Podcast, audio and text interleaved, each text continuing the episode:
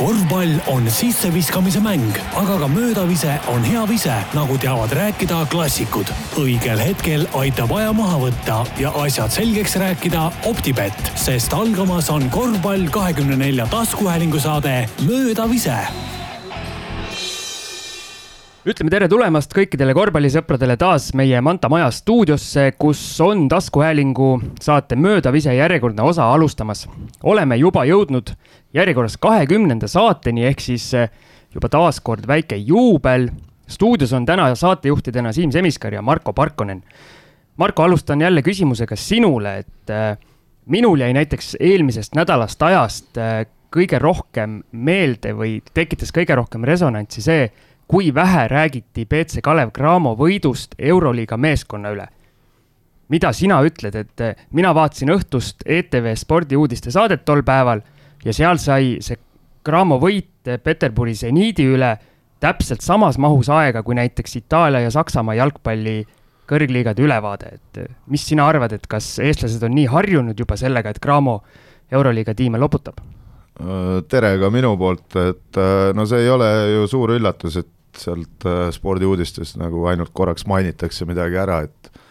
hea on üldse, et mainitakse, et see jalgpall vist on seal nagu number üks ja nii edasi, et äh, no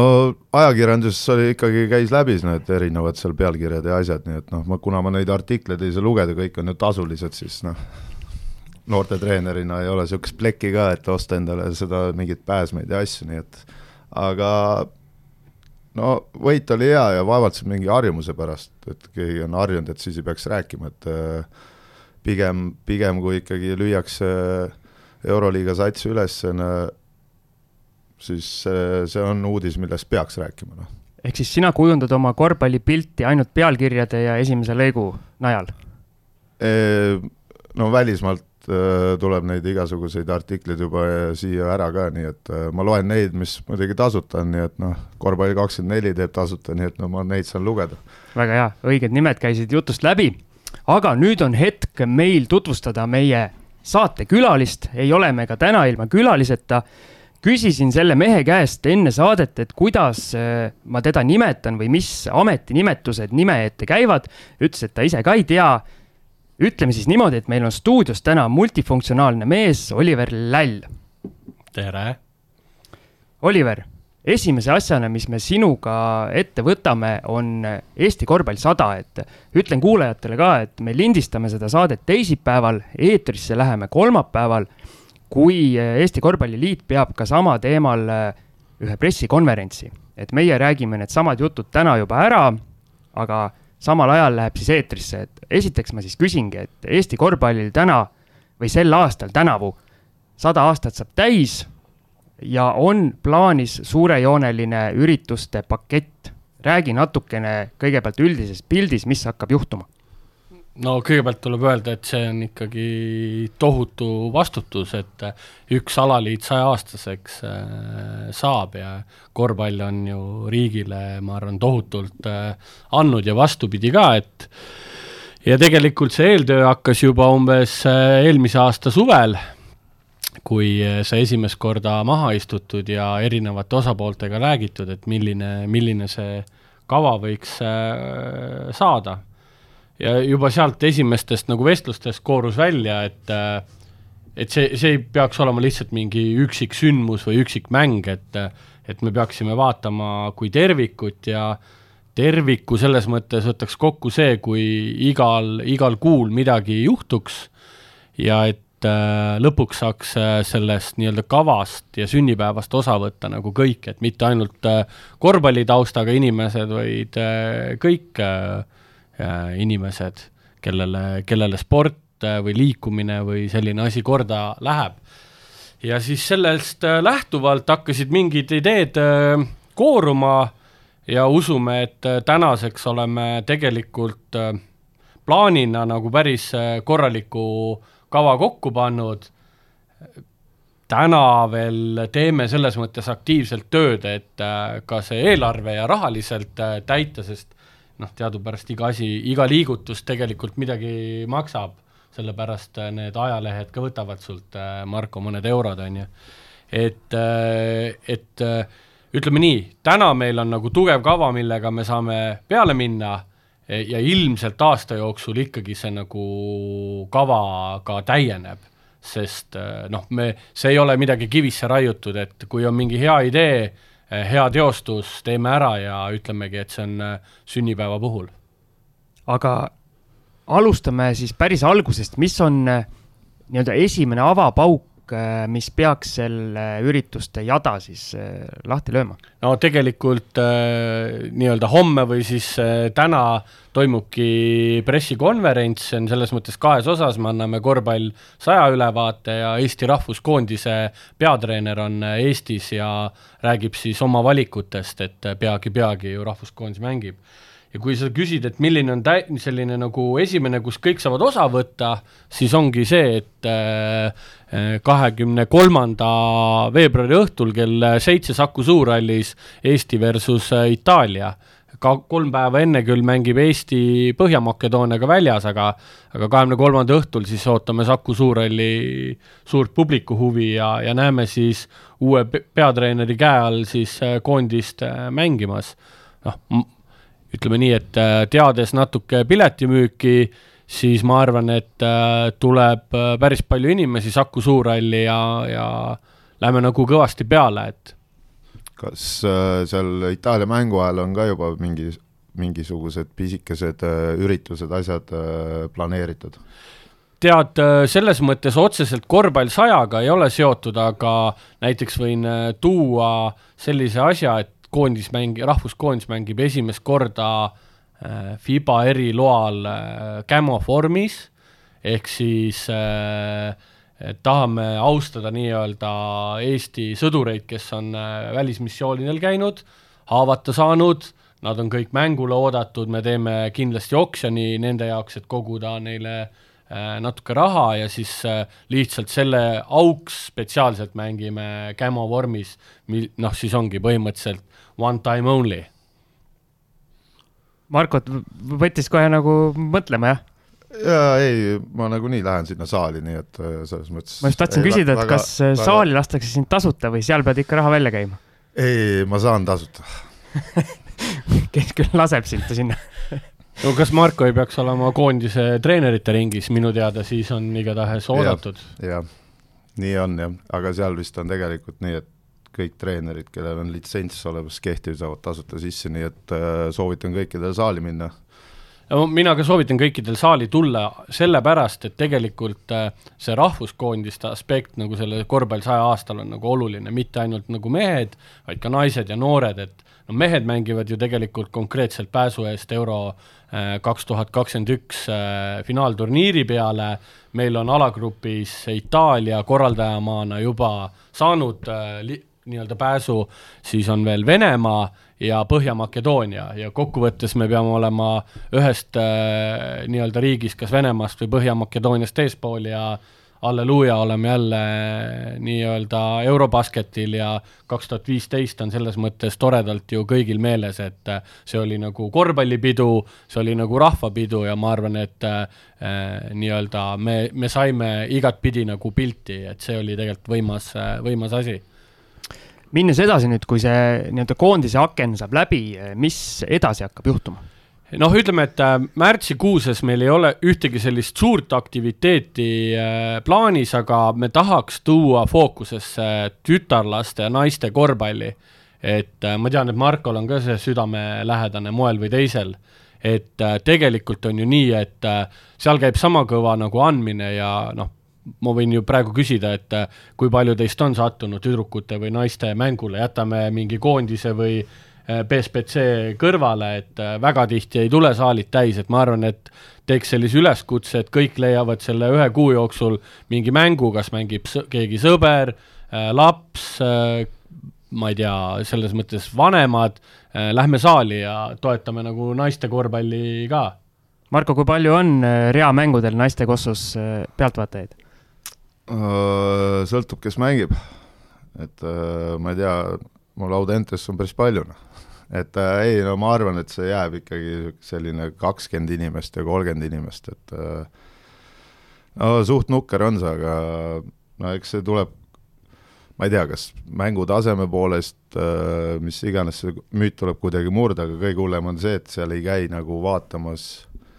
nagu noored mängijad, noh. Et vahet ei ole, mis klubis sa on äh, treenid või mis iganes, et ikkagi need kolmeteist, neljateist, viieteistaastased võiks käia vaatamas. vähemalt Audente spordigümnaasiumi mängu, et siis näha, kuidas need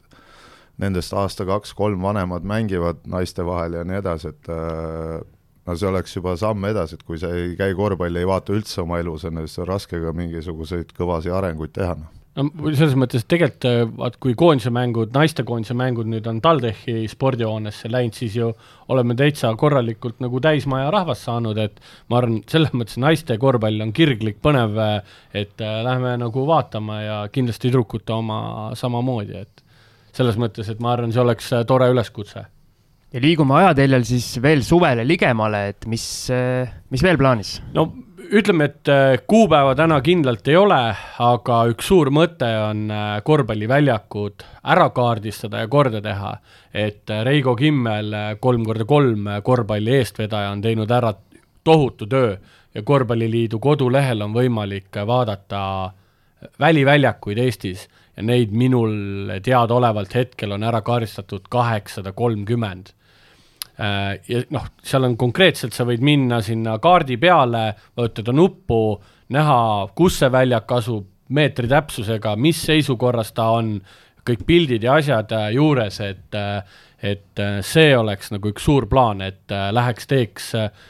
kaardistaks need väljakud veel paremini ära ja teeks nendest ka mingi osa korda ja siis tekib Korvpalliliidule nagu mingi master file, kus siis äh, hakkakski järg, jõudumööda ja eelarveliselt nii-öelda vaadates neid asju paremaks tegema? tehakse need väljakud korda üle Eesti, no ma ei tea, ma olen, ma tean, et äh, kunagi kino Kosmose kõrval oli korvpalliväljak, millest lõpuks otsustati, et teeme hoopis parkla sinna, aga ma tean, et see oli väga populaarne väljak seal et äh, õhtuti ikka inimesed käisid seal, mängisid, on ju, seal oli kaks väljakut ja nii edasi, lõpuks pandi sinna hoopis mingid džiibid, on ju, siis äh, ma tean, et ühe kooli näiteks, Mustamäe kooli hoovis on kõik ilus, kõik kergejõustiku variandid on Kossu väljakud, aga kaks Kossu väljakut ja vist pole ühtegi rõngast. ja kool ütleb, et nad ei saa üles panna, et need pannakse pihta, noh no pihta panemise suhtes me oleme natuke nagu võimetud, aga selles mõttes, et eh, noh, see töö ei ole ainult, ütleme, väljakute kordategemine, vaid ka selle suhtluse loomine mingi kohaliku omavalitsusega, et aru saada nagu, et eh, mis nendest, mis selle väljakute nagu tulevik on, on ju, et noh, pole mõtet teha mingit eh, väljakut üüberägedaks ja korda, kui tõesti nagu põhimõtteliselt poole aasta pärast tahetakse sinna mingi kortermaja või mingi parkla teha, et et äh, eks, eks see nagu saab olema suhtlus nagu korvpalliliit, korvpall sada projekt, äh, kohalik omavalitsus ja, ja ka siis nagu toetajad, et äh, täna on nagu päris mitu toetajat, võin välja tuua Alexela, Utilitas, kes sihtotstarbeliselt sinna korvpall saja programmi on pannud mingi summa ja siis nad ise valivad välja äh, noh, ma loodan, et see jääb kümne-kahekümne väljaku vahele, mis saab ikka nagu noh, piltlikult öeldes me paneme siin uued tagalauad, uued võrgud, korvid, jooned maha, selline nagu projekt, et et selles mõttes, et noh, siin on ainult üleskutse, et äh, aidake meid selle nagu info saamisega, mis seisukorras on, ja, ja, ja, ja siis äh, proovime, proovime need väljakud ikkagi nagu korda, korda saada, nii palju kui võimalik, noh ja Marko poolt mainitud see kosmosetagune väljak, see oli ka minu eh, nii-öelda mängijaks kujunemise teel väga oluline koht, eh, aga nii-öelda tol hetkel peale selle kosmoseväljaku, ega Tallinnas väga niisuguseid eh, aktiivseid kohti ei olnudki, seepärast kogu see mass, mass nagu läkski sinna kokku. aga nüüd on võib-olla isegi mingi hetk on nagu tekkinud selline asi, et liiga palju erinevaid väliväljakuid on ja nii-öelda see mängijad nagu hajuvad ära no kui sa võtad praegu minu teada üks selliseid populaarsemaid on Snelli väljakud, on ju, mis on nagu tegelikult super äh, korras äh, ja noh, saab ju harrastada üliägedalt. Äh, noh, selles mõttes, et meil Korvpalliliidul on üks selline idee, mida me räägime praegu linnaga, Tallinna linnaga läbi, et ikkagi tekitada üks selline kolm korda kolm keskus Tallinnasse, kuhu siis nagu koondise tasemel vennad saavad ikkagi iga õhtu peale minna ja mängida, eh, kus on ikkagi nagu kõik nii-öelda samamoodi profi ja noh, põrand, eh, väljak, korvid, kõik on nagu viimase peal, on ju. et eh, ja noh, ja siis ka sellised nagu nii-öelda harrastajatest kõvemad vennad saavad seal ikkagi ennast proovile käia panemas. nagu Marko? kas Marko on väga oodatud kas äh, sinna kolm korda kolm väljakule, et kui see tuleb, kas sinna planeeritakse ka niisugused lahendused ka, et saad panna, et päike paistab silma, keegi viskab ämbriga vett, et vihma sajab ja keegi teeb tuult ja nii edasi. või need Tead..., või need peavad olema kõik sõbrad kaasas? no sõbrad võiksid ka kaasas olla, keegi peab ju sinu performance'it nägema, on ju, aga üleüldiselt äh, ei taha ära sõnuda seda kohta, mida me täna nagu linnaga läbi arutame noh, see oleks nagu super koht selles mõttes, et see on ikkagi õues, sa saaksid, aga sellel on nagu vihmakaitse, sa saaksid nagu tõsiselt noh, ükstapuha tuleb nagu rajuvihmas, saad nagu mängida ja seal läheks nagu back to the root selles mõttes, et see olekski, see on nagu Tallinna linnas olemas koht, millest nagu tänavakorvpall kunagi kuskil Brooklynis alguse sai, on ju, mingis selles mõttes oleks nagu äge koht teha. mina juba tean, mis koht see on äh,? jäta ütlemata. jätan, ma arvan, pooled kuulajad ka umbes said aru. okei okay., no looda, loodame vähemalt äh, liigume selles suunas. nii, aga edasi? no äh, tegelikult, kui nüüd ajalukku tagasi minna, siis äh, selles mõttes, et korvpall jõudis Eestisse tuhat üheksasada kolmteist, ütlevad allikad, ja kuskil peab tegema nii-öelda ajajoone ja ütlema, et vot see on ametlik esimene mäng ja esimeseks võistluseks peetakse vii-, eh, kuuendal ja seitsmendal juunil tuhat üheksasada kakskümmend eh, võistlusi siis eh, Eesti spordiselts Kalevi väljakutel Tallinnas ja esimeses mängus läksid vastamisi Reaalkool ja Gustav Adolfi gümnaasium. Ajalugu on selles mõttes olnud tore meie vastu, et protokoll on kadunud, need mõlemad koolid arvavad, et nemad selle mängu võitsid, noh, ei saa kinnitada ega ümber lükata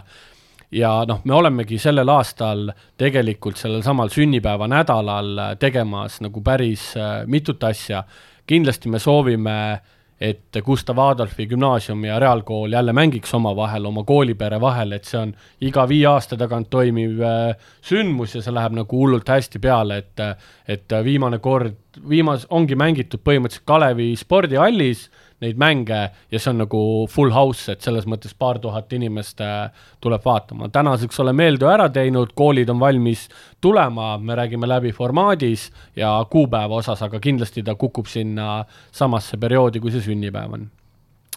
ja nüüd konkreetselt sünnipäevapäeval äh, tahaks teha midagi erakordset.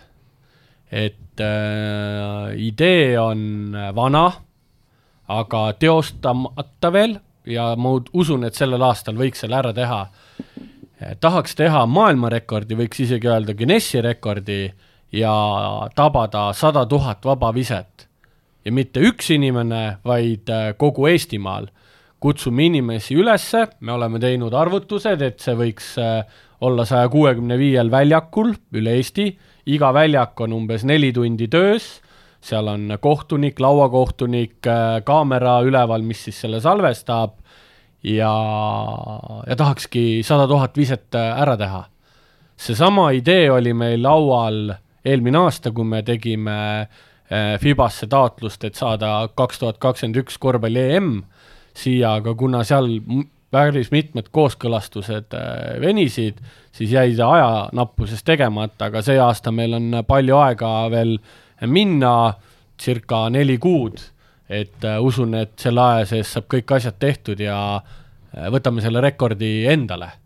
kelle käes see praegu on ja palju see on? Äh, kusjuures praegu ei ole sellist rekordit, et ühes riigis oleks tehtud sellist asja, nii et meil on lihtne teha, kuigi üksikuna, ma jään selle ameeriklase nime võlgu, pani vend kahekümne nelja tunni jooksul äkki oli kakskümmend seitse tuhat vabavat, tabavat vabaviset ta tegi seda üksinda, aga me võime teha nagu noh, piltlikult öeldes kümne tuhande inimesega. me teeme selle sada tuhat ära ja siis järgmine päev on India teeb ka seda, seal on mingi miljard, noh no aga vähemalt alati saame öelda, et me olime esimesed, kes selle nagu ära tegid, et et, et kokkuvõttes see sada tuhat on ilus number, kui nüüd arvutusi vaadata, siis ilmselt me saame ikkagi see sada tuhat kokku ja äkki õnneks ikka peale ka et, et tulgu siis teised ja tehku üle, aga me olime vähemalt esimesed. me olime esimesed ja te-, järgmine päev India lööb miljardiga üle Marko läheb sinna seda projekti juhtima Indiasse või? ei, ei, ma ei lähe, see naiste kolm-kolm koondis läheb ju sinna olümpiapiletit, olümpiapiletit hankima või üritavad seda saada, siis nad saavad seal rääkida ka, et me hakkame kohe pommitama joone tagant. aga seal on siis plaan niimoodi, et iga nagu sa ütlesid, sada kuuskümmend viis väljakut, et iga mees, iga naine, iga laps võib minna kuskile ritta võtta, kus see väljak üles on pandud ja visata. täpselt, täpselt, et selles mõttes me paneme selle kava korvpall sada kodulehele ülesse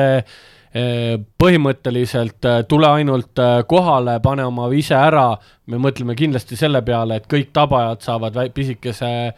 meene, et nad olid sellest nii-öelda osa saamas ja, ja noh, need väljakud me valime ikkagi noh, päris kuskile Ikla piiri äärde metsa ei taha minna, et võtame sellised käidavad kohad, kus igaüks saab tulla. et noh, needsamad näiteks Snelli väljakud või mingid kaubanduskeskuste esised, et kus inimesed nagu reaalselt äh, käivad ja, ja prooviks ikka nii, et kõigil on nagu võimalus, et ole sa nii suur või väike või vana või noor, et, et kõik saavad, kõik saavad oma viske ära teha ja, ja öelda, et äh, ma olin osaline selles äh, kampaanias igalühel on üks katse? ei, ei, selles mõttes, et kui meil on ikkagi väljak neli tundi üleval ja seal on nagu reaalselt kohale tulnud Oliver Siim ja Marko, noh siis me põrutame nii kaua, kui tuleb keegi juurde. aga kui nüüd ütleme näiteks, et me teeme tõesti kuskil kaubanduskeskuse ees ja seal on juba nagu kolmsada inimest ja kõik tahavad ju osa saada, siis ilmselt teeme mingi sellise, et igalühel on viis viset, teed oma viis viset ära siis lähed rivi lõppu ja ootad oma järgmist aega, et, et mingid sellised nii-öelda kitsendused või laiendused tulevad ka, aga noh, kui oleme Ruhnu saarel ja kokku ongi viisteist venda, paneme see neli tundi ära ja, ja korjame nii-öelda need kokku. aga noh, mõte on nagu iga, igatahes selline suur, et piltlikult öeldes selline ralliraadio idee, et keegi raadiojaam kogu aeg jooksvalt kajastab kuskil ekraanidel äh, jookseb kogu aeg see tabatud äh, skoor, on ju, me teame, et palju meil eesmärgini äh, minna on, et kõik sellised asjad ja noh, täna ei ole me seda nagu nii sada protsenti kinnitanud, aga mulle tundub, et see päev algab Tartust, et Tartu on selles mõttes Eesti jaoks ikkagi sellise kur-, korvpallihälli koht, et ütleme, et Ilmar Kullam ja kõik need, need mehed ju sealt tulid, et oleks ilus seal alustada, aga no millegipärast ma arvan, et lõpp saab olema Tallinnas äh, kuskil. aga kas viimasel, viimasel viskajal on niisugune pinge ka, et kui paneb mööda, läheb nulli no võime, võime mõelda midagi, et äh, kui jah, et, et äh, tabatud on üheksasada üheksakümmend üheksa tuhat. ma võin enda peale selle võtta. okei okay,, Marko, ma jätan meelde selle, ma kutsun sind eraldi kuskile, kus, kus see sada tuhat, saja tuhandest tuleb. ma ei teeks seda, siis on kindel null aga edasi, kui see vabaviske Guinessi rekord on Eesti käes, kuhu meil veel siis enam minna on, siis võiks nagu asjale joone alla tõmmata või? ei no asjale joont alla ei tõmba, selles mõttes, et äh, korvpalliliit on juba, ma pakun, kas on äh, neljas või viies aasta teeb seda tuletrenni kampaaniat et kindlasti sellel aastal äh, lähme suuremalt äh, peale ja proovime, vanasti esimene aasta ma mäletan, kui see projekt äh, loodi, see oli meil idee sajas koolis ära käia, me käisime see sada kooli Eestimaal ära ja noh te, tegelikult see on juba tõestanud ennast, et seda on seal nüüd aegade jooksul natuke varieeritud, et küll on õpetajad rohkem fookuses olnud ja mitte nii palju lapsed, aga ma arvan, et sellel aastal teeme kindlasti ära ja, ja teeme jälle konkurssi, et millistesse koolidesse tulla saame, et see on selline nagu äh, sügise, sügise teema. noh, ük-, üks unistus on nagu tegelikult veel, et äh, tegelikult äh, tahaks teha Tallinnas ühe suure spordikonverentsi et noh, millal siis veel, kui korvpall sajanda sünnipäeval, me ei ütle, et see on nagu korv-, noh, ei mõtle nii, et see on nagu hullult nagu ainult korvpalliteemaline konverents, vaid see on üldse selline spordikonverents laiemalt ja ja ka siis äh, noh, ka, ka teistele eluala inimestele, sest noh, tegelikult olgem ausad, sportlased on väga nagu eesmärgipäraselt nagu liikujad, et nad teevad mingi tohutu plaani, nad tahavad need kõik äh, vaheetapid äh, võtta ja võita ja jõuda, jõuda siis nagu täielikku tippu, et ma arvan, et noh, sama mõttelaad võiks olla ju igal, igal inimesel, et selles mõttes see on selline nagu täna kuidagi kauge idee, aga me oleme seda põrgatanud ja seda mõtet nagu mõelnud, et äh, see oleks äh, selline vägev asi ja noh, tõesti oleme mõelnud, et seal mingi see main speaker äh, või võiks olla keegi selline, kes tuleks ja nagu inspireeriks ja ta, ta võiks olla korvpallitaustaga, et mõned inimesed, mul on kuidagi nagu mõttes, aga va-, aga vaatame, kuidas see nagu läheb Marko Parkonen ka mõttes on? no Marko teeb, Marko teeb kindlasti mingi osa ära seal. jah, kutsuge sinna konverentsile Charlotte Hornetsi, see üks omanikest. Michael oli, Michael Knight. Michael oli ta nimi, jah. tead, äh, no mõttes, et ega siin ei ole nagu,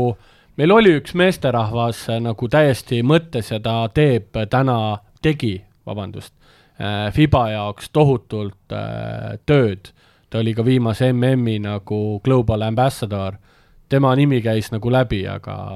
kahjuks teda enam ei ole, noh et et kui sa nagu küsid, et kes need nimed on, siis me tõesti mõtleme nagu noh, siia võiks tulla keegi, keegi, kes nagu rokib äh, täiega ja oleks nagu inimesena ka nagu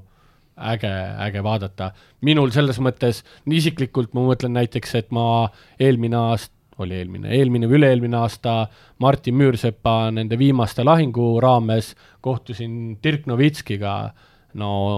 super äh, vana, hull suhtleja, kõik, noh, ma kujutan ette, kui Tallinnas oleks konverents, kus Dirk Novitski tuleb lavale, ma arvan, et äh, Alexela kontserdimaja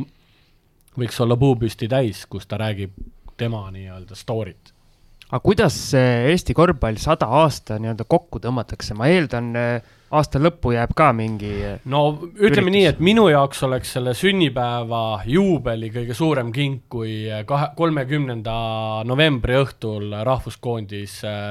äh, kas ta siis võidab Põhja-Makedooniat või on ta lunastanud äh, nii-öelda pääsme Eurobasket kaks tuhat kakskümmend üks EM-ile, et kui see nagu tuleks, see on minu isiklik soov, noh, siis oleks, ma arvan, täielikult i-le punkt pandud, et äh, see oleks nagu kõva. jah, me mõtleme ka sellisele kokkuvõtvale asjale, aga sellest on täna natuke liiga vara rääkida, et äh, läheme nende tegevustega käima, hakkame vaatama, kui palju see nii-öelda aega ja ressurssi nõuab ja, ja mõtleme kindlasti ka nagu peo peale. sest noh, ütleme suvel, suvel on veel üks selline ilus idee, millele ma täna ei julge öelda, et see sada protsenti tuleb, aga, aga noh, võiks ju teha jälle sajalaua lahingu, on ju, et äh, see oli ülipopulaarne kuuekümnendatel, seitsmekümnendatel, kui Tallinn versus Tartu mängisid, on ju, noh, kes meist ei tahaks öelda, et need seal nii-öelda lõuna pool ei tunne seda mängu, et võiks ju Eestimaa kuskilt Paide juurest äh, pooleks teha ja leiame need, ma usun, et see sada võistkonda tuleb kindlasti täis ilma probleemideta, lähme kuskil ühel päeval mängime Äh, nii-öelda väljas, miks mitte, on ja viis, viis viie vastu ja teeme siis selgeks, et kus need kõvemad äh, kossuvennad on, on nad siis siin Paidest ülevalpool või on siis seal lõuna pool, noh. ma arvan, et see printsipiaalselt oleks nagu väga kõva andmine, ma ei tea, kui palju muidugi kiirabisi peaks panema kuskile ootele, aga noh, vähemalt oleks nagu ig-, jällegi, igaüks saab mingi panuse panna, on ju, selle sünnipäeva aastasse aga ma küsin mõlema mehe käest siis sellise üldise küsimuse ka, et kui nüüd Eesti korvpall saab sada aastat täis, vaatame järgmist sadat ette, et äh, Marko ja Oliver, et kui saja aasta pärast tulevad sellised samasugused kolm meest tulevad stuudios kokku, arutavad äh, eelmise saja aasta Eesti korvpalli üle, mis jutte siis räägitakse, kas Eestis üldse saja aasta pärast mängitakse korvpalli? kindlasti mängitakse, aga vaata praegu me saame öelda, et me panime Soomele ilge litaka enne kunagi seal algusaastatel, enne vist üheksakümmend üks, üks oli see seis enne, aga saja aasta pärast ei saa seda enam öelda, aga siis võib-olla räägitakse seda, et Eestil oli Soomest, Soome, soomlane oli koondise peatreener.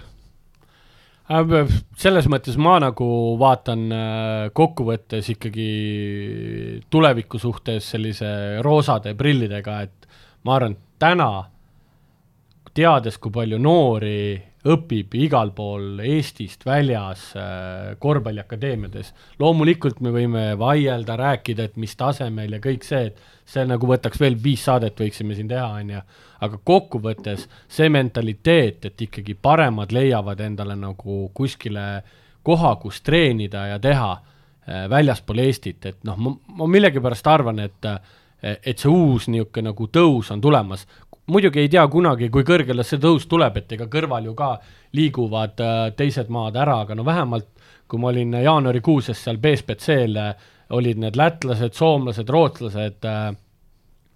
et äh, tegime ju tublit äh, mängu ja hea on nagu vaadata ja noh, üldse, kui sa vaatad korvpalli üleüldse maailma mõistes, vaata neid samu soomlasi, rootslasi, kui nagu mingi kuueteist, kaheksateist aastased, nad ongi juba nagu mehed, nad on välja arenenud, see, see kõik on nagu nii palju nagu muutunud, et äh, noh, see, see on nagu ulme, kuhu me võime jõuda selle järgmise saja aastaga. Ja ma olen nagu kindel, et eestlased on pundis, see mäng on lihtsalt meie mäng olnud ja, ja see läheb edasi ja noh, nüüd ju tulebki tegelikult peale täiesti põlvkond, kus on nagu nende isad olid korvpallurid, noh, see pole midagi teha, ma tean näiteks enda vanustest võtta nagu Kristjan Make vanem poeg Eerik on ju, kes on lootustandnud, ma ei teagi, mis U neliteist koondisesse saab või ta on äh, kaks tuhat viis, U viisteist on ta okay. hetkel, noh, selles mõttes äh, ma tean, et see poiss oli põhimõtteliselt alates sellest hetkest, kui ta üldse nagu äh, silmad lahti tegi ja midagi maailmast aru hakkas saama, tal oli nagu pall käes, et ega see niimoodi ju lähebki edasi põlvkondade kaupa, et aga Marko, sulle küsimus, et saja aasta pärast sina töötad praegu noortega, mitte saja, saja aasta pärast, aga praegu. saja aasta pärast töötan vanuritega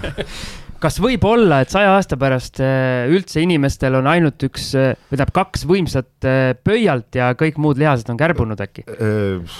no ühesõnaga, see on nii ajuvaba üldse mõelda nii kaugele, et pigem,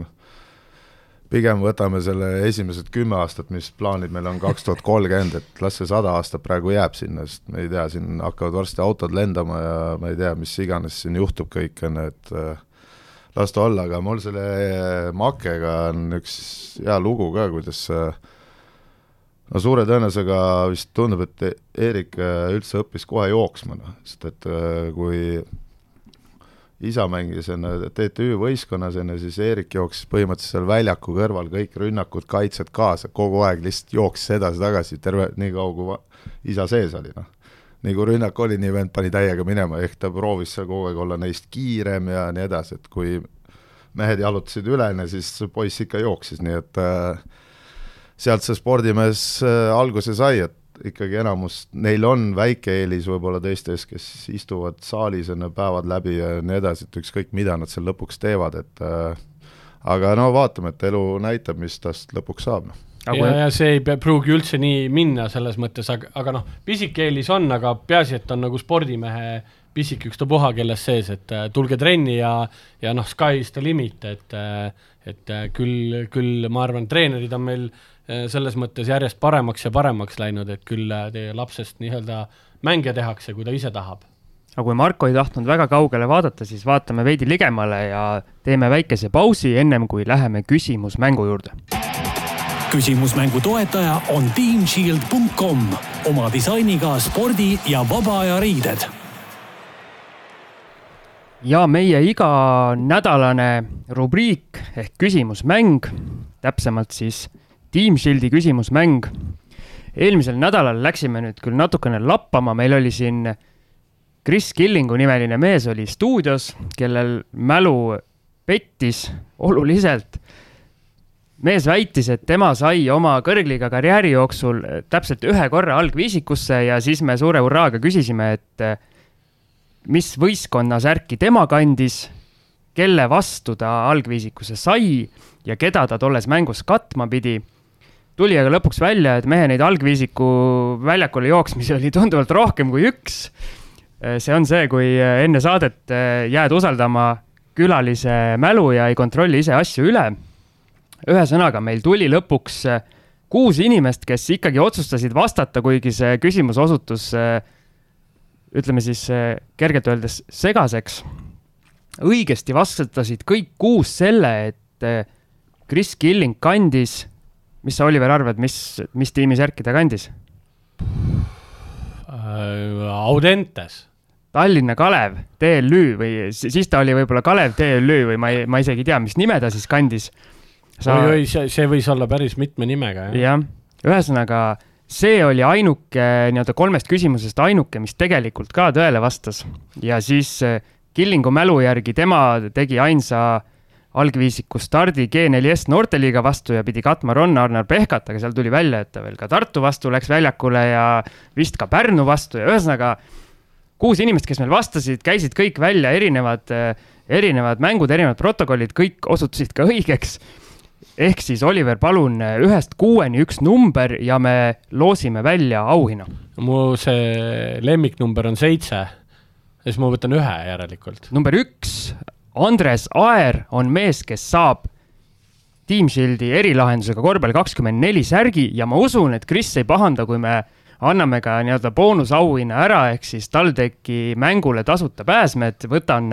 ise Andresega ühendust ja siis Krisiga ka, et ta nii-öelda lunastaks need pääsmed ära. No aga te oleks pidanud ju kohe, kui nägite, et asi läheb käest ära, legendaarsele Tallinn Kalev TLÜ nii-öelda presidendile eelnevale Kalle Klandorfile helistama ja oleks kohe välja võetud, näpud sahtli vahele ja oleks teada saanud. nojah, eks see meie nii-öelda plähmerdamine oli ja võtamegi selle omaks, aga ma arvan, et äh, keegi ei pahanda, kuna anname kõik auhinnad ikkagi kenasti välja. aga uus küsimus puudutab meil siis otsaga Eesti korvpall sada temaatikat ja meie küsimus on Eesti korvpallikoondis on korra pääsenud ka olümpiamängudele ja sellega tehti korvpalli ajalugu. mis oli see ajalooline moment, mis seoses olümpiamängudega, olümpiamängude korvpalliturniiriga Eesti koondisele kirja läks? vastused saata meiliaadressil info, et korvpalli kakskümmend neli punkt ee või korvpalli kakskümmend neli Facebooki lehesõnumites. küsimus lihtne ja loogiline. mehed, teie teate seda vastust? Jaa, ütlen ära kohe. ei, ära ütle. ma aiman. nii, väike paus ja siis tuleme tagasi juba just sellesama Tallinna Kalevi tegemiste juurde, kellega äh, multifunktsionaalne Oliver Läll samuti seotud on.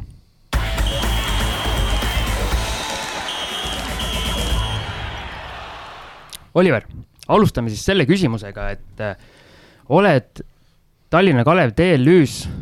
mänedžer, on see õige? Võib nii öelda küll, jah. räägi, mis on sinu igapäevased tööülesanded selle tiimi juures? no ma, ma ilmselt nii supermänedžer ei ole nagu kunagi Meelis Pastak või Kaarel Sibul, et, et selles mõttes me iga, ma olen selle tiimi juures nüüd kolmandat aastat ja iga aasta proovime teha nagu sammu edasi, et ilmselt järgmine aasta me sa-, teeme sammu selles edasi, et me leiame inimese, kes päriselt nagu mänedžer on ja teeb nii-öelda seda oma igapäevatööna, et ma püüan seda võistkonda selles mõttes nagu koos hoida, et, et poisid oleksid söönud, joonud, trenniajad oleks, buss oleks õigel ajal meeles see tulebki praegu, pagan meelde, et buss tuleb ära tellida Tartusse. Äh, ja, ja, ja noh, muud sellised äh, küsimused, välismängijad, välismängijate igapäevamured ja, ja see. aga jah, ma, ma seda nagu ei tee nagu päris niimoodi, et kakskümmend neli seitse, et see ongi mu põhi, põhitöö, et pigem selline hobi korras ja proovin, et see asi nagu jookseks kolmas aasta, et äh, sa mainisid siin ühe põneva laus-, lause niisuguse lõigu ka ära, et äh, välismängijate muredega pead tegelema. kas sul on siis äh, rääkida mõni lugu nimesi mainimata? ei, nimesid võib ka mainida, ma arvan. milles, milles, milles äh, suure tõenäosusega keegi on nagu väga eredalt silma paistnud? tead, mul ei tulegi kohe niimoodi Brauch meelde, aga selles mõttes, et ma arvan, et see on nagu linnalegend ja see on ka nagu tõsi, et ma ei tea, mitu aastat tagasi see oli, aga üks välismängija läks Tallinn Kalev TLÜ-st niimoodi ära, et jättis eh, sponsori auto uksed lahti, pani võtme sinna eh, armatuuri peale ja läks lihtsalt nagu ära, et see minu teada on ikkagi nagu tõsi, on ju, et see ei ole linnalegend. Viimases ajast, ei noh, selles mõttes, et ei ole nüüd midagi niisugust tohutut äh, noh, sama, samasugust story't, väiksed nagu mured, tuleb aru saada, et inimesed noh, näiteks kui me räägime ameeriklastest, on ju, tulevad äh, kuskilt päikseliselt äh, Californiast äh, siia äh,, oktoobri algusest läheb pimedaks äh,, millalgi märtsikuuses tuleb uuesti päike, inimeste mingid D-vitamiinid on miinuses, et noh, sealt ka nagu tulenevalt ja noh, mingi, mingid asjad, mis äh, võib-olla muus ühiskonnas või muus riigis nii, nii teravalt esile ei tule, vaata. et mingeid selliseid olukordasid ei ole, kus äh, näiteks mees paneb kõik pesu pesumasinasse ja siis paneb ukse kinni, arvab, et peaks puhas olema, siis tunni aja pärast võtab välja või? kuule, mul on selles mõttes ei, ma ei, ei vist nii hull ei ole, et äh, sellest aastast, näed, saangi kiita Pirita pesumaja, vaata, et sellest aastast tegime jälle sammu edasi, kõik mä-, tähendab, välismängijad saavad oma pesu seal ära pesta, et mis on tegelikult nagu suur asi ja võib-olla jätab kohe mingid mured, mured mul nagu äh, vähemaks, aga ei, ei no eks tuleb ikka nagu üllatusi, et eks nad nagu selles mõttes ju kõik nagu noored, kui me võtame, et täna on ju võistkonnas noh, osad on nagu kaks tuhat mehed, aga ütleme, välismaalased on sellised, et neli aastat ülikooli ära teinud, üheksakümmend viis, üheksakümmend kuus, no need mehed on ju puhtalt juba mingid Playstationi ja mingid sellised äh, vennad, et noh, kui näiteks neil siin eelmine aasta oli paari vennaga, et äh, et seal äh, mingi, andsin mingi teleka, siis äh, ei olnud kahte HDMI juhet, siis oli üks, siis nagu läks nagu vaidluseks, et, et kuidas ta siis saab, et tal on nagu mitu HDMI asja vaja, et noh, aga mine nagu poodi ja osta mingi switch vahele, noh, see oli juba nagu keeruline, vaata. et, et noh, eks, eks ta nagu, nagu huvitav ole, elukool endale ka nagu. aga kas ma mäletan valesti, teil kas mitte eelmisel või üle-eelmisel aastal läks ka üks mees niimoodi minema, et läks lihtsalt toast minema ja keegi ei teadnud, kus kadus ja. aa, sa räägid Taylorist? jah äh,. okei okay., no selles mõttes, et eks äh, või ma ei mäleta, kas me rääkisime sellest niimoodi või mitte, aga ta noh, andis läbi selle teada, et ta perekonnas juhtus mingi õnnetus, minu arust oli see õega ja, ja noh, selles mõttes äh, me ikkagi ostsime talle ju nagu lennupileti ah, ja okay., ja ta ikkagi läks nagu ära. me nagu ei teadnud nagu lõpuni seda nagu põhjust, mis see oli, aga noh, ja see jutt sellest, et, et keegi ei teadnud, noh, ütleme nii, et me siis pärast ta toakaaslasega käest küsime, et oled sa suhelnud või teada saanud midagi, et noh, ta ütles, et ta ei öelnud isegi mulle nagu midagi, et, et jah, meile tuli nagu info ja muidugi me lennupiletid ja asjad ostsime, aga, aga tal oli jah, selles mõttes nagu perekonnas mingi selline ja tänaseks äh, ei ole ta kordagi letter of clearance'it äh, küsinud, et tundub, et ta järelikult kuskil tiimis ei mängi, mis on nagu kurb. minu arust oli ta nagu päris äh, hea leid Gert Kullamäelt. aga rääkides headest leidudest, et teil seal meeskonnas aastate jooksul, ma arvan, et ma ei eksi, kui ma ütlen, et Tallinna Kalevis on käinud Eesti klubidest kõige rohkem legionäre läbi. et kuidas te neid mehi leiate, kes neid toob miks vahepeal pannakse puusse, kuidas leitakse vahepeal need äh, nii-öelda teemandid üles, mul tuleb äh, peamisena meelde see Johnny Berhan Meskel, kes siin käis. no ma ütleks, et praegusest mees. Äh, ajast ka Mike Buchanan on tegelikult korralik leid selles mõttes, et. oota, kuidas sa hääldasid seda nime? ma ütlesin Mike Buchanan ah,. eestlased panevad Buchanan kõik vist no ega siin saabki nagu valida, ei noh, eks ta nagu on kokkuvõttes ülikeeruline, me ju, me ju ei opereeri nagu miljonite eurodega, et isegi kui sa vaatad nagu Kalev Cramot, on mingi aasta, kus nad saavad nagu supervennad ja siis mingi aasta tuleb jälle nagu natuke teistsuguseid mehi ka sisse, on ju, et eks ta nagu ja kui me, meie võtame veel nagu takedowni eelarves nagu piltlikult öeldes jaga nagu kolme või neljaga, on ju, noh, siis see on veel suurem loterii, et selles mõttes, et sa ei tea nagu kunagi, et noh, peale selle, et äh, loomulikult äh, ma arvan, Markost äh, saab ka lei-, kolmeminutilise Youtube'i video teha sellise, kus vend nagu põhimõtteliselt on nagu parim nagu shooter ever, tal on kindlasti viis või seitse senti pikem kasv, on ju, ja kehakaalus on ka nagu võib-olla nagu super vormis, on ju. Marko siin noogutab rahulolevalt taustaks. nii, nii võib olla küll jah, et äh ma oskan neid igast käemärke ka veel teha peale, et see no, nagu veel parem. ja, ja no täpselt ja, ja isegi eh, kahjuks ei ole seda videos, aga ma käisin, ma arvan, et sellest on ka nüüd üks poolteist aastat möödas, käisin korvpalliliidul abis eh, seda rahvaliigat mängimas ja siis eh, viskasin sealt enda kolmese joone jooksul, joone juurest kotti teisele poole viske, on ju, viimase sekundiga panime ära, et noh, kui selle paned ka põhimõtteliselt ongi mees müüdud, on ju, aga noh, kohale tuleb, on nagu noh, kergelt tugevas ülekaalus, kindlasti kümme senti väiksem, et, et noh, eks, eks see on selline nagu tohutu nagu loterii, mingite agentidega on kindlasti see, et kui tema ütleb, et see vend mängib sellel tasemel, aga näiteks tal oli eelneval aastal mingi vigastus või mingi asi, siis noh, pigem tuleb uskuda, noh näiteks siin võib hea näite tuua, ilmselt Eesti korvpallisõbrad teavad, Reet Nobonen on ju, kes oli ka Martin Müürsepa agent on ju, noh siis tema nagu, ta üldiselt teab, mis äh, tasemel äh, meestest meil jutt käib ja noh, tema toodud ongi nagu mai-, big Mike on ju, et selles mõttes ta ütles kohe, et mees on nii palju ülekaalus, vigastusest tulnud, aga peate nagu proovima, meie jaoks lõpuks vedas meid eelmine aasta hõbemedalile, oli, ma pakun ikkagi liigas üks äh, domineerivamaid mängijaid play-off'is ja, ja see aasta tuli tagasi, et noh, ilmselt tema sai jalad alla. Äh, väga norm-, normaalselt. Kui paljude agentide nagu neid klippe te siis vaatate, et ükskõik, kes ütleb, et on äh, agent, on ju, saadab teile mingi terve postkasti neid videosid täis on. ei, tegelikult, tegelikult see nii ei ole. ütleme, meie puhul on selles mõttes, et ajalooliselt on välja kujunenud nagu neli meest, äh, kelle nagu mehi me siis nagu kindlasti vaatame, sest nad teavad meie budget'it, meie võimalusi, see, mida me tavaliselt nagu pakume ja sealt nagu me siis valiku teeme vastavalt nagu mis, mis, mis neil nagu sellel ajahetkel pakkuda on, et ei, muidugi neid noh, uskumatu, nad isegi, mängijad on äh, nagu mingid vennad sellised, leiavad su ise nagu netist äh, üles ja guugeldavad ja saadavad sulle nagu videosi, et praegu üks vend hullult äh, pommitab, no ma pakun, et ta on reaalselt nagu mingi meeter kuuskümmend seitse pikk on ja mäng, lihtsalt käib saalis nagu mängimas ja ta ütleb, et noh, andke võimalus, mida vaid, noh, tulen kohale. äkki on Maxi Pauks? no kui oleks, oleks nagu kõva, on ju, aga, aga noh, video pealt ka nagu nii, nii ei tule aga meil käis paar saadet tagasi, istus sellesama koha peal, kus sina istus Jaak Karp, kes tegeleb siis Raplas äh, enam-vähem sama tööga. ja tema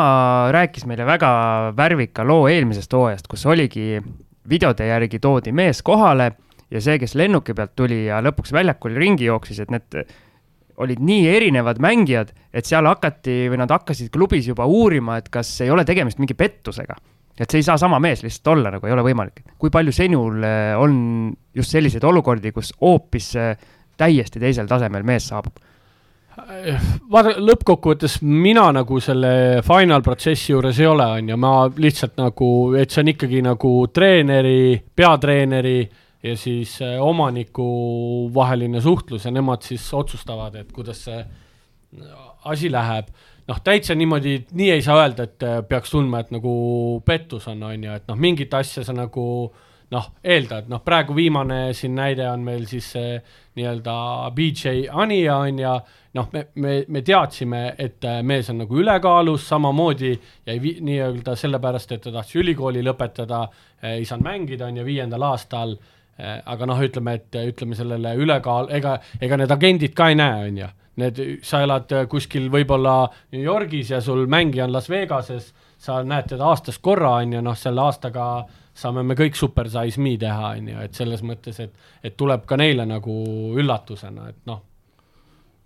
ta on kindlasti vaadanud seda motivatsioonifilmi, see, mis see Põrunud professor, kus vend istus ja Snickersiga tegi jõudu, nii et, et jaa, selles mõttes ameeriklastel kindlasti see nii-öelda äh, allavõtmise asi on ka nagu kõvasti teistmoodi, et noh, korra nagu Tallinna Kalevist eemale tulles, et üldse nagu äh, siis, kui mu, mu üks äh, nii-öelda töökohtadest äh, siin mõned aastad tagasi oli selline korvpallurite seas tuntud koht nagu Paulsi on ju, äh, olin seal tegevjuht ja siis me hästi tihedalt suhtlesime äh, Espo Honka nii-öelda Soome korvpalliklubiga, kus siis harjutasid noh, mingi tuhat pluss noort, on ju. ja siis ma nagu ka, noh, me käisime seal kohal mitu korda ja käisime treeninguid vaatamas ja see, ja noh, mis tasemel seal selles mõttes noorte see asi käis, et ma arvan, et siis ma tulin alati siia tagasi ja rääkisin Korvpalliliidus ja üldse nagu inimestega, noh, seal oli ikkagi reaalselt nii, et äh, igal noortesatsil oli nagu treener ja oli nagu üldfüüsilise treener. ja see üldfüüsiline treener oli enamasti ülikoolis õppiv äh, äh, keegi inimene, kes tegigi oma mingit praktikat ja asja, on ju, ja siis neil oli äh, veel eraldi täiesti niimoodi, et mingite gruppide peale poistel ja tüdrukutel nii-öelda toitumisnõustaja noh, see ei olnud niimoodi, et see on ainult koondisel, see oli konkreetselt, klubis oli neid inimesi kaks või kolm tööle, kes tegelesid noortega, andis, andsid nagu kavad kätte ja, ja noh, ja siis sa näedki seda, et sealt tulevadki mingid Lauri Markkanenid ja järgmised nagu vennad, et see, see kõik peab olema nagu kooskõlas, et, et sest üldse nagu tippvend tuleb, noh aga rääkides sellest BJ Aniast, et äh, ringleb jutt, et mees oli sada seitsekümmend kuus kilogrammi, kui ta. sada seitsekümmend kaheksa olen kuulnud. sada seitsekümmend kaheksa, okei okay., siit tuleb paar kilo juurde. Kui ta lennukilt maha astus, kas see vastab tõele? no ütleme nii, et kiidan teie allikaid. päris grammi täpsusega ei olnud, aga, aga suhteliselt äh, no riided maha ja et, et äh, nii ta oli, selles mõttes muidugi tema viimase hooaja nii-öelda mängukaal oli sada nelikümmend viis kilo, et selles mõttes, et ta oli juba äh, nagu ikka päris nagu kogukas äh, poiss ja no kui sa nagu treeningsaalis selles mõttes mõtled, et mees on peaaegu sada kaheksakümmend kilo ja paneb nagu pealt niimoodi nagu vabalt, on ju, siis pead ikka mõtlema, et mis mootor see sees on, mis seda nagu kõike teeb. aga ta tegi vist debüüdi ka kuskil mängis kolm minutit või midagi. no olude sunnil, sellepärast et kui me käime Lätis mängimas, siis millegipärast Big Mike saab äh, alati teisel veerandajal juba kolmanda ja neljanda vea, et äh, ma olen sellel aastal küll hooajal käinud ühe korra Lätis kaasas, aga see on nagu uskumatu, kuidas äh, ma kiidan Läti kohtunikke nagu, kuidas nad nagu oskavad asja. aga mul nagu on küll kas pärast kaalus, et tegelikult palju ta suutis maha võtta? ei, ei, selles mõttes, et ega ta praegu on ka meil ju ikkagi iga õhtu käib kaalu pealt läbi, kapis on tema kaalunumbrid ja hetkel läheb nagu allapoole see kaal. aga noh, kokkuvõttes tuleb aru saada, et, et kas see kaal võiks jõuda nagu noh, me teame kõik, et meistriliigas kakskümmend kaheksa veebruar läheb, on ju, lukku üleminekutesse, et kas me saame aru, et kahekümne kaheksandaks on ta kaotanud mingi koguse kaalu ja kas ta saab nagu normaalselt treenida. kui me selles nagu veendunud ei ole, noh siis kahjuks ei ole midagi teha, noh siis peab tulema suvel tagasi, nii nagu tuli nagu Maik tagasi, et ja, ja tegema täiesti eraldi vaata. ehk siis äh, on jälle bussi, bussijaamas on tihedad tööpäeva ood-, võib, võib oodata veebruari lõpupoole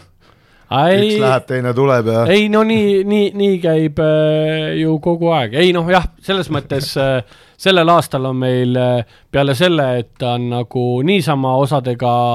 läinud kehvasti, on ka nagu päris mitu nagu meist mitteolenevalt asja nagu juhtunud ja, ja noh, mida,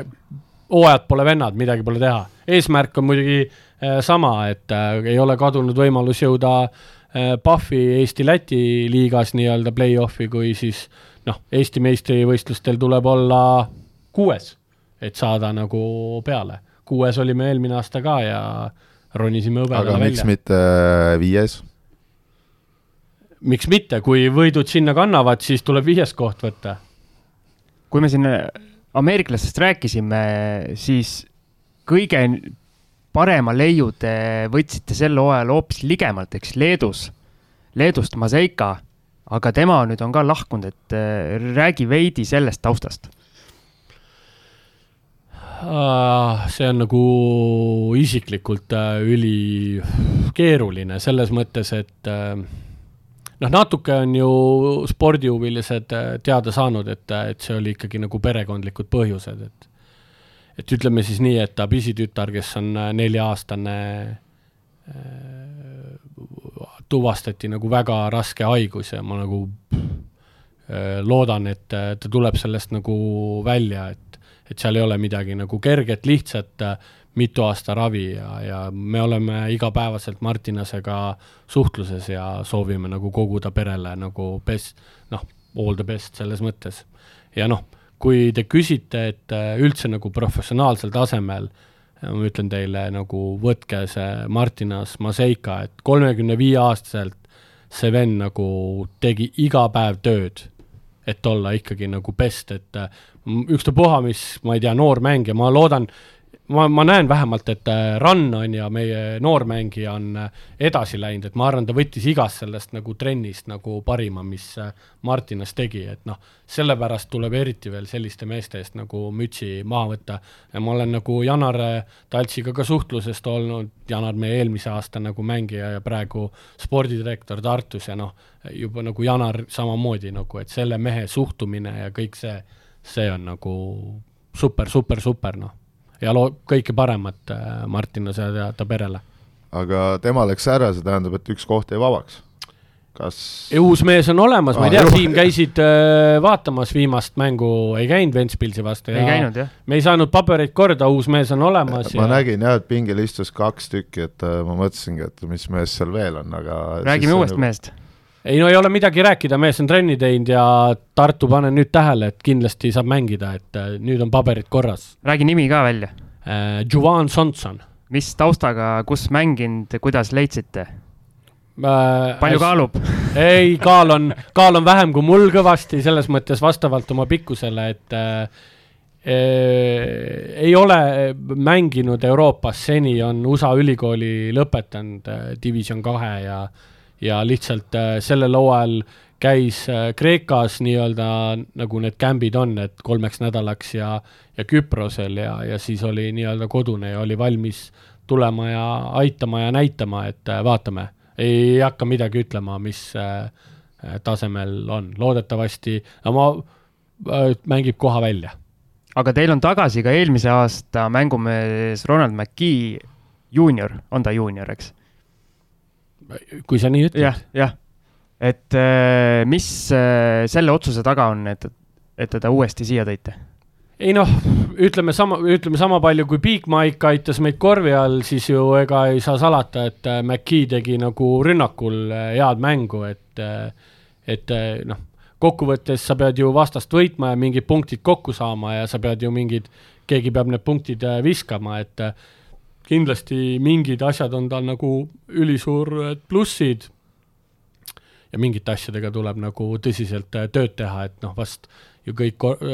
sõbra, Kossu sõbrad on näinud, et et noh, kui me mängime selliste või, võistkondade vastu, kes on nagu meiesugused, on ta nagu tubli ja kui sa lähed nagu gramm kõvemate kallale, siis seal kahjuks nagu kaitse ja need on nagu tei-, teistsugused, et aga no iga mängumehe eh, nii-öelda kohustus ongi tööd teha ja paremaks saada kuidas peatreener sellesse virvarri suhtub, et tal on siin lõpuks on nii, et võib lugema hakata, et kas on nädalaid kokku tulnud, kus tal sats nagu püsib, et kogu aeg on, et kurat, selle peab ära saatma, kellegi peab asemele tooma ja noh, nüüd kui veel ei tea, veel kakskümmend kaheksa veebruar pole ka kukkunud, et võib-olla tuleb veel keegi või keegi läheb ära, et ei no eks ta muidugi treening mõistes nagu keeruline on, vaata iga uus mees tähendab ju hakka kõike otsast äh, nagu peale, et osadel vendadel on nagu äh,, nagu siiamaani, et noh, aga e-, eks see nagu treeneri elu selline on, et äh, ei, ei midagi lihtsat, et noh, kuidagi tuleb see kooslus äh, tööle saada, vahepeal noh, selles mõttes oligi nagu,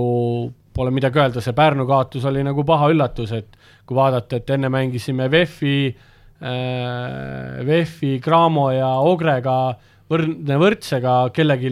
vist üle kümne punkti ei kaotanud ja mõni jäi õige,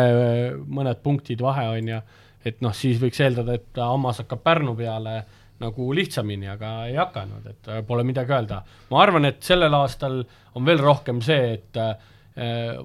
Ogre müstikast ma aru ei saa, tundub, et äh, tiimi keemia on nii kõva, on ju, et äh, kuidas nad need võidud kätte on äh, saanud ja kõigi vastu, et noh, ma arvan, kui play-off'iks läheb, küll need suuremad ta kotti pistavad, on ju,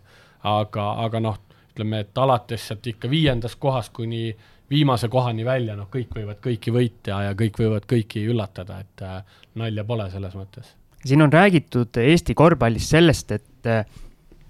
nendel väiksematel klubidel, kui me jätame siis Cramo hetkel välja ja mingid aastad tagasi ka Tartu välja, et siis käis võitlus ka siis vanasti ainult pronksi peale, nüüd siis hõbeda ja pronksi peale, et aga kui see medal kätte saadakse, siis see justkui nagu rahaliselt ja toetajate mõttes midagi nagu juurde ei anna, et kuidas oli Tallinna Kalevil, kui te eelmine aasta Estikatel hõbeda kätte saite, kas läks see nii-öelda klubi manageerimine ja finantsid ja kõik nagu, midagi tuli juurde ka või? ei no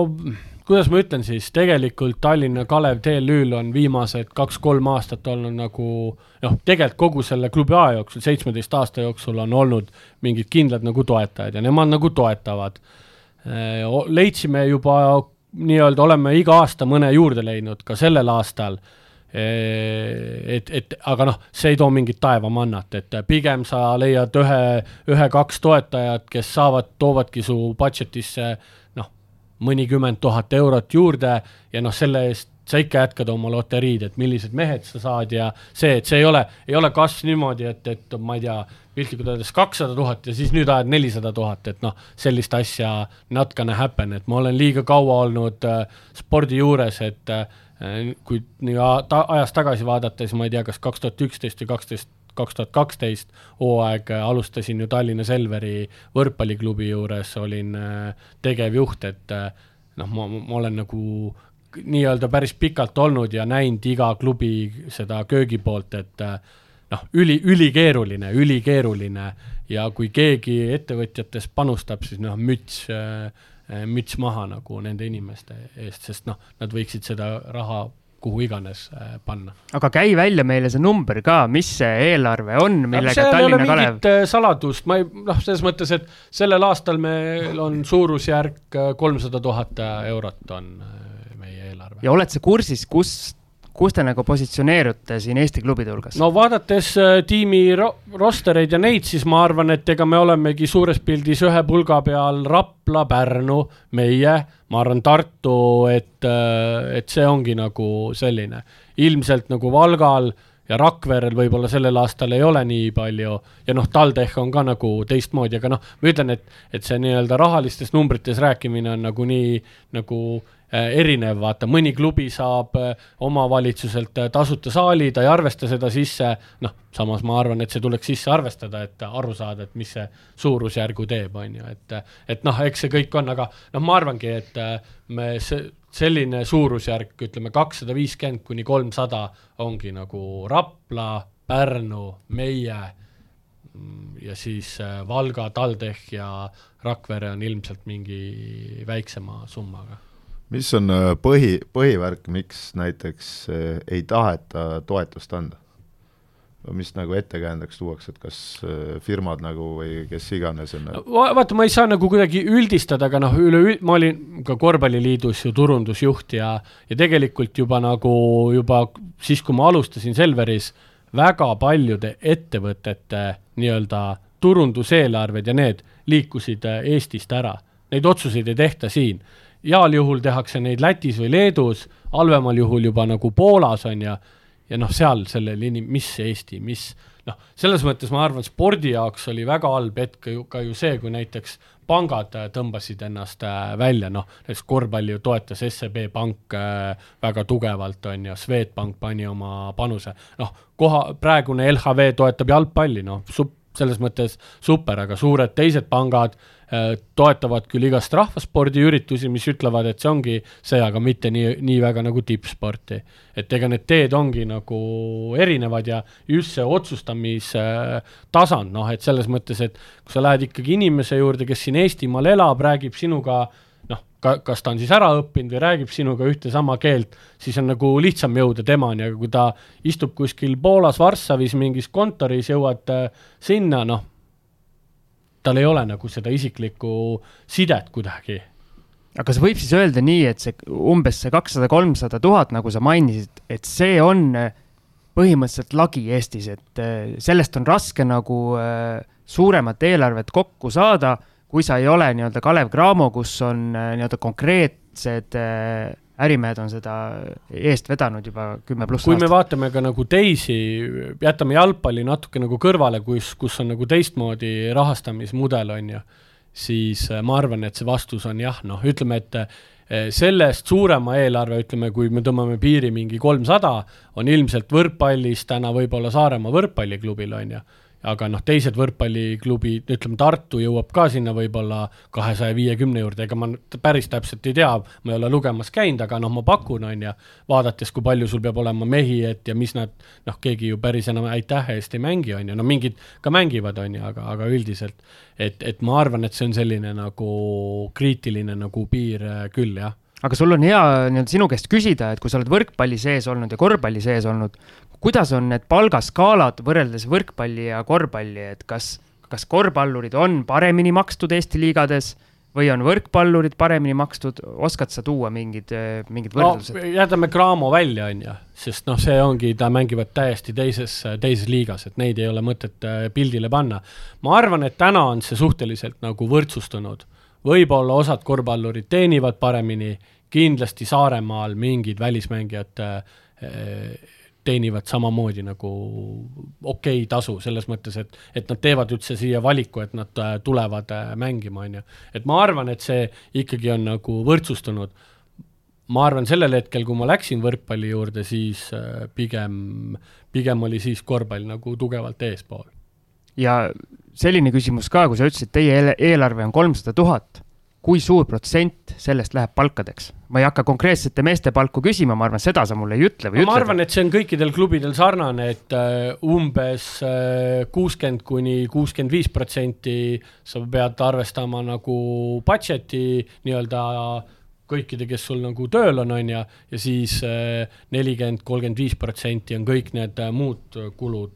sõidud, vormid, varustus äh,, Äh, meditsiiniline tagamine, kõik see, noh, et ma arvan, et see on suures pildis kõigil sama. Äh, Eesti-Läti liigas on, või tähendab, pärast Eesti liigas on selline asi, et äh, kuus võistkonda saavad play-off'i ja kaks viimast siis põhimõtteliselt nende hooaeg on läbi, et kui pikad lepingud te olete teinud, sellepärast et võib juhtuda näiteks noh, seda ei näe sügisel ette, aga võib juhtuda nii, et sul on, ütleme seal, ma ei teagi isegi täpselt, mis kuupäev see on, mingi kümnes märts on see hooaeg läbi, kuna sa ei jõua ei pa-, seal Eesti-Läti liigas on play-off'i ega ei jõua Estikatele, aga lepingud on tehtud mai aprilli lõpuni, lõpuni.. aprilli lõpuni ja siis vaatate edasi või? ei no meil on sellised lepingud, et aprilli lõpp on see ja siis äh, iga päev, mis mais hooaeg kestab, on mingi kindla nii-öelda tasu alusel. aga kui näiteks võtame noh, niisuguse musta stsenaariumina, võistkond ei pääse edasi, et mis siis teete, kas lase-? mis tuleb välja maksta, ega kus sa ja kas lasete nad koju või ei te... no mis nüüd siin ei ole ju mõtet midagi teha. no, no. saate neid kilosi alla võtta. ei noh, see on üks võimalus, aga noh, ega üldiselt ega ju kõik, kes on ikkagi septembrikuuses siia Eestisse tulnud, oled ju ikkagi mingi kaheksa või seitse kuud eemal olnud, et äh, ilmselt äh, siis on juba mõtted äh, mujal. et äh, jaa, ei noh, see on reaalne, reaalne realiteet võib juhtuda küll nii et paljud on kurtnud just, äh, ma tean varasemalt äh, reaalselt ei muutunud see aasta midagi, et oligi üks teema, mis oli Eesti-Läti liiga, käis läbi, oli, et mänge on vähe. Kuidas teie klubi siis selles olukorras nagu arvestab, et seal on, tuleb põhiturniiril kokku kakskümmend kaheksa mängu? no jah, kui me nagu, ma ei tea, kuidas need lastega on, lapsed mängivad, tohivad mängida mingi viiskümmend mängu hooajal või? viiskümmend viis vist. noh, okei ja siis täiskasvanud mehed mängivad kakskümmend kaheksa et äh, noh, ja siis hakkab midagi nagu edasi juhtuma, et parimal juhul paned nelikümmend mängu ja, ja see, et noh, pigem võiks olla nagu mingi mäng, aga ma ei oska öelda, kust see tuleb, sest noh, ma saan aru, et kalender on hullult tait tänu selle Fiba sellele, et me hooaja sees anname mingi piltlikult öeldes kaks korda kaks nädalat on off, on ju, sa ei tohi midagi mängida ja ega, ega sellised asjad, et noh, ma ei, eks seda tuleb kompleksselt vaadata, et loomulikult noh, mingid mängud äh, võiks ju, võiks ju veel olla, noh, alati on räägitud sellest karikavõistlustest, mingist formaadist, äh, noh, eks see on nagu korvpalli meistriliiga nõukogu ja klubide ühine, ühine otsus, et e-, eks, eks siis näeb aga ma arvan, et siin on hea meie saatele ots peale tõmmata, kui Markol rohkem küsimusi pole. ühe veel küsin, et no vot äh, kuidas teie klubi arvab, kas see on õige otsus Eesti-Läti liigat mängida või tähendab, et selline liiga tehti või oleks olnud kasulikum pigem Eesti liiga? Saate parima küsimuse auhind. jaa, kindlasti, aga noh, selles mõttes vaata, mul on nagu ülikeeruline vastata, et eh, kindlasti ma olin üks initsiaator, eh, kes eh, arvas, et võiks olla mingi rahvusvaheline liiga. Ja noh, minu peas on alati küpsenud, et miks see võiks nagu veel olla. Ja ma olen nagu soomlaste peale alati mõelnud, sest teispool lahte elab mingi sada tuhat eestlast kes täna piltlikult öeldes ei fänna ühtegi spordiala seal, aga ma tean, et meie ise samamoodi, meie klubi oleme käinud äh, Soomes mängimas ja no mingi kakskümmend, kolmkümmend eestlast tulevad ikka ko-, kokku ja nad võtavad sind soojalt äh, vastu ja ma tean, käsipalluritel ju oli seal, mängisid mingit kolmandat või neljandat liigat Eesti tiimiga ja nad panid Soome meistriliiga, või tähendab, meistriliiga klubidele ka ära, neil oli vist seitse või kaheksasada inimest oli hooaja keskmine kolmandas mingis käsipalliliigas, et noh, tegelikult kui vaadata nagu veel nagu äriliselt või mõelda, et kuhu edasi, siis miks mitte soomlased nagu punti võtta aga seal võib olla tekkida jälle see, et kui on noh, kunagi oli meil see ütleme siis Balti liiga oli seal, need leedukad olid sees, vahepeal olid, käisid seal Valgevene satsid, kasahhid, kes iganes seal katsetasid, on ju, siis oli kunagi rootslased. kunagi see Neibel, on ju, kus olid kõik enne ja ükski asi ei jäänud toimima, et ma kardan, et kui on mida rohkem riike on seotud, siis suure tõenäosusega seal hakkab kiiresti tulema mingeid erroreid, noh. ei no, ei, no muidugi noh, ega selles mõttes ju alati võib juhtuda nii ja et, et ega ju ei tea. aga ma, ma lihtsalt nagu praegu ma tean, et võrkpall siin teeb mingit ülitugevat tööd, et teha nagu kolmik selles mõttes ja kui sa nagu vaatad ka nagu eelarveliselt ja mänguliselt, siis ma arvan, et meil oleks ülipõnev soomlastega mängida. meil selle looaja alguses me mängisime kokku vist kaheksa kontrollmängu ja kuus olid nendest soomlaste vastu, et hoopis noh tõi ikkagi teist äh, värvi ja, ja noh, ma võr-, veel tõlla, võrkpall siin mängib mingist mõttest, et on nii-öelda alguses põhjadivisjon ja lõunadivisjon ja mingid nagu asjad veel, aga noh, kokkuvõttes on küsimus selles, et kus saada lihtsalt nagu mingeid mänge juurde ja noh, isiklikult arvan, et noh, mõned mängud võiks olla hooaja jooksul rohkem. Aga ennem kui Marko päris hoogu läheb, siis ma arvan, nüüd küll lõpetame. Selle saate ära, meil on siin juba üle tund kümne on juttu räägitud või Marko, sul on veel midagi? ei, mul ei ole enam midagi. okei okay., minu poolt siis äh, esiteks kõigile kuulajatele soovime, ma arvan, kõigi meie kolme poolt äh, väga meeleolukat Eesti korvpalli sada aastat ja loodame, et kõik need üritused, äh, millest Oliver siin täna rääkis, kõik õnnestuvad suurepäraselt, ootame siis kõiki korvpallisõpru aktiivselt kaasa lööma. ja egast midagi, aitäh, Oliver, sulle tulemast, aitäh, Marko, tulemast palun. aitäh. ja kuulmiseni. Kuulmiseni